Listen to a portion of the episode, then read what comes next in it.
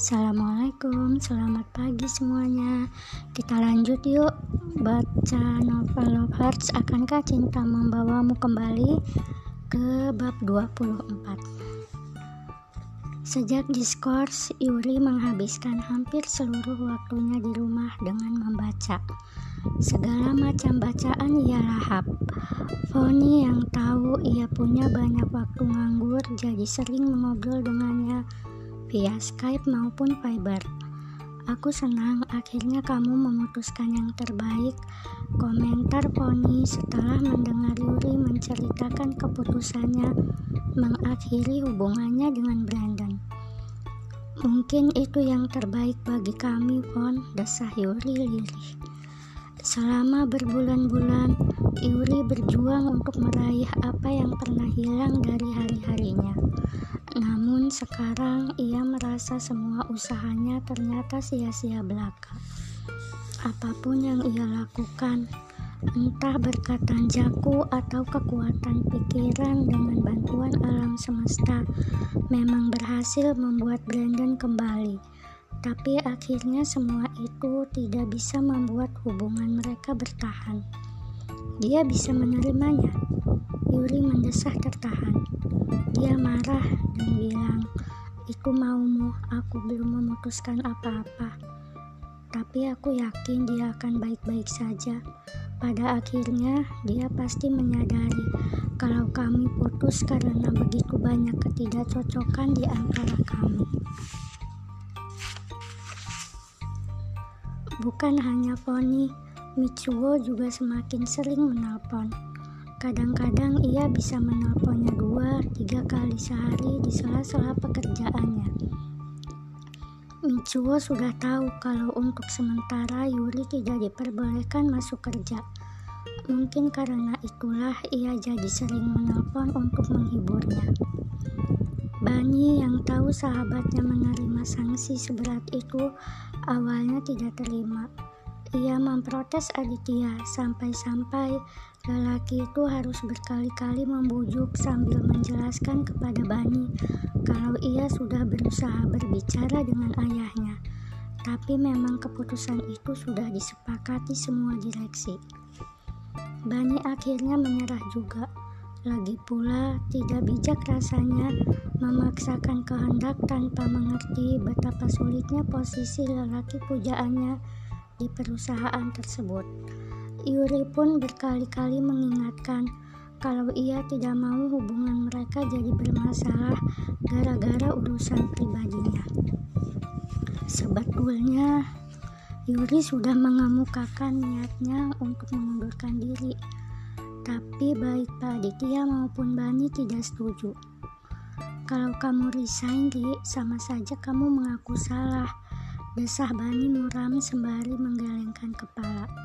Terus terang, di luar insiden Pak Rahmat, pekerjaanmu cukup memuaskan. Anggap saja satu bulan ini kamu ambil unpaid leave. Kamu bisa gunakan waktu luang ini untuk melakukan hal-hal yang belum sempat kamu lakukan selama bekerja. Lalu nanti masuk kerja lagi dengan semangat baru. Hibur Pak Aditya berusaha memberinya semangat. Selama diskors, Yuri hanya menerima 50% dari gaji kotornya.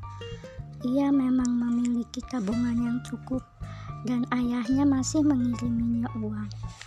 Namun, ia masih harus membayar cicilan kartu kreditnya yang belum lunas. Ia pun tidak berani menjanjikan apa-apa kepada Pak Aditya. Atasannya yang arif itu pun akhirnya bisa mengerti alasannya. Begini saja, Yuri. Kalau selama sebulan ini kamu memperoleh pekerjaan yang baik, kamu boleh resign. Tapi selama kamu belum mendapatkannya, posisi PA tetap akan kukosongkan selama kamu masih mau kembali bekerja di sini. Usul Pak Aditya membuatnya sedikit terharu.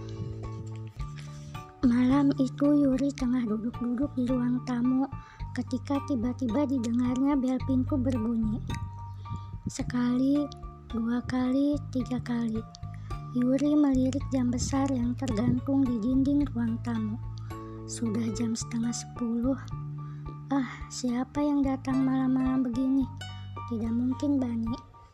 Lima menit yang lalu sahabatnya itu baru menelpon kalau ia pulang agak malam. Ia sedang keluar bersama Pak Aditya menghadiri sebuah jamuan makan. Yuri belum mau beringsut. Mungkin tamu tetangga yang salah mengenali nomor unit pikirnya masih malas bergerak. Namun ketika bunyi bel itu belum berhenti juga, akhirnya dengan setengah terpaksa Yuri bangkit dari tempat duduknya. Ia menyeret kakinya ke arah pintu, lalu memutar kunci dan membuka pintu. Sosok itu berdiri tegak di balik pintu apartemen yang setengah terbuka. Ia mendongak begitu pintu di hadapannya terkuak. Yuri seketika terpaku di tempatnya. Kenapa kaget begitu melihatku? Pemuda itu tersenyum santai, sama sekali tidak terusik dengan sorot tajam pemiliknya. Kenapa kaget? Tanpa sadar Yuri membeliak gusar. Laki-laki ini pura-pura bodoh atau mukanya memang sudah terlalu tebal. Rasanya ia belum melupakan pertengkaran hebat mereka dua bulan yang lalu. Hubungan mereka sudah usai. Brandon sudah tidak pernah menunjukkan hidungnya lagi di apartemen ini. Jadi, ia tidak mengerti mengapa lelaki ini tiba-tiba muncul lagi malam ini. Tanpa menjawab pertanyaan Brandon, tangan Yuri refleks terulur hendak menutup pintu. Namun, lengan kokoh Brandon keburu menahannya. Begitu ya sambutan seorang lulusan sarjana ekonomi universitas terkemuka terhadap teman lama yang datang bertamu. Singgir Brandon lalu membuka pintu itu lebar-lebar dan melangkah masuk. Yuri tidak menjawab. Lidahnya terasa sulit digerakkan. Rahangnya kaku, detak jantungnya berdebar dua kali lebih cepat dari biasa.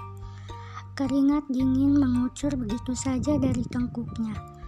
Rasa takut bercampur panik tiba-tiba menyerangnya.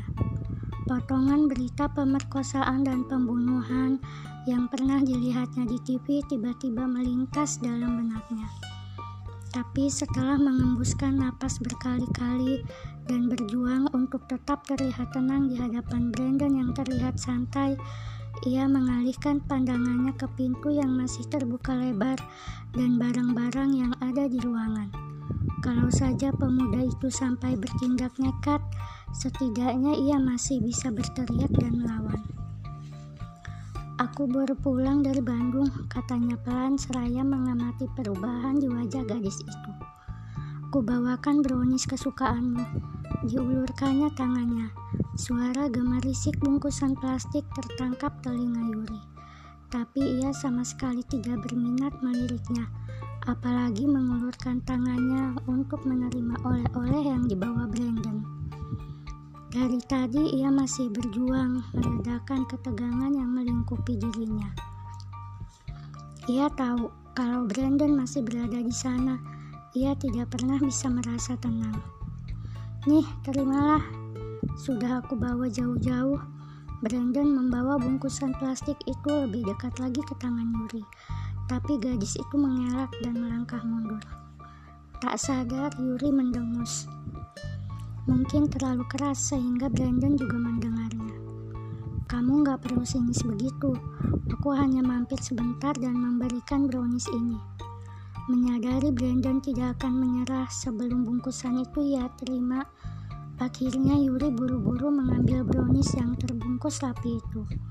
Oke, aku sudah menerimanya. Tidak ada apa-apa lagi kan? Sekarang kamu boleh pulang. Bukas Yuri. Lekas-lekas memalingkan wajahnya ketika tanpa sengaja matanya bertemu dengan tatapan menyelidik pemuda itu.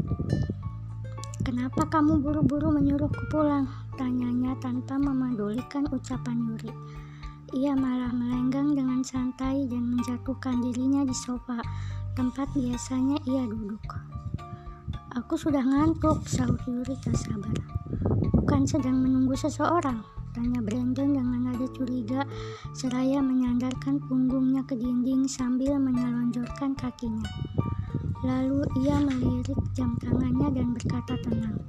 Belum jam 10, biasanya kamu nggak tidur sepagi ini. Terserah, desas Yuri setelah tidak tahu bagaimana harus meminta Brandon pergi. Aku mau tidur. Ia memutar badannya secepat mungkin dan segera menyingkir dari sana. Namun kemudian didengarnya Brandon berkata dengan tenang, Oke, oke, aku nggak ingin bikin kamu marah. Aku pulang sekarang. Brandon beranjak bangun dari tempat duduknya. Yuri tidak jadi bersyukur ketika didengarnya lagi lanjutan kalimat itu. Tapi aku akan datang lagi. Kuharap kamu nggak keberatan. Mulut Yuri sudah terbuka, siap-siap melontarkan keberatannya dengan ide itu ketika dilihatnya punggung Brandon sudah mencapai ambang pintu yang sejak tadi masih dibiarkannya terkuak. Selamat malam, jangan lupa mengunci pintu, kata Brandon santai sebelum berlalu. Yuri langsung mengembuskan napas lega ketika sosok tegap itu sudah menghilang di balik pintu yang tertutup. Alhamdulillahirrahmanirrahim Selesai. Suara masih agak serak. Ada gara-gara bab 23 kemarin yang panjang Dan lama sampai kepotong satu paragraf. Tapi semoga terhibur ya yang mau mendengar. Terima kasih. Assalamualaikum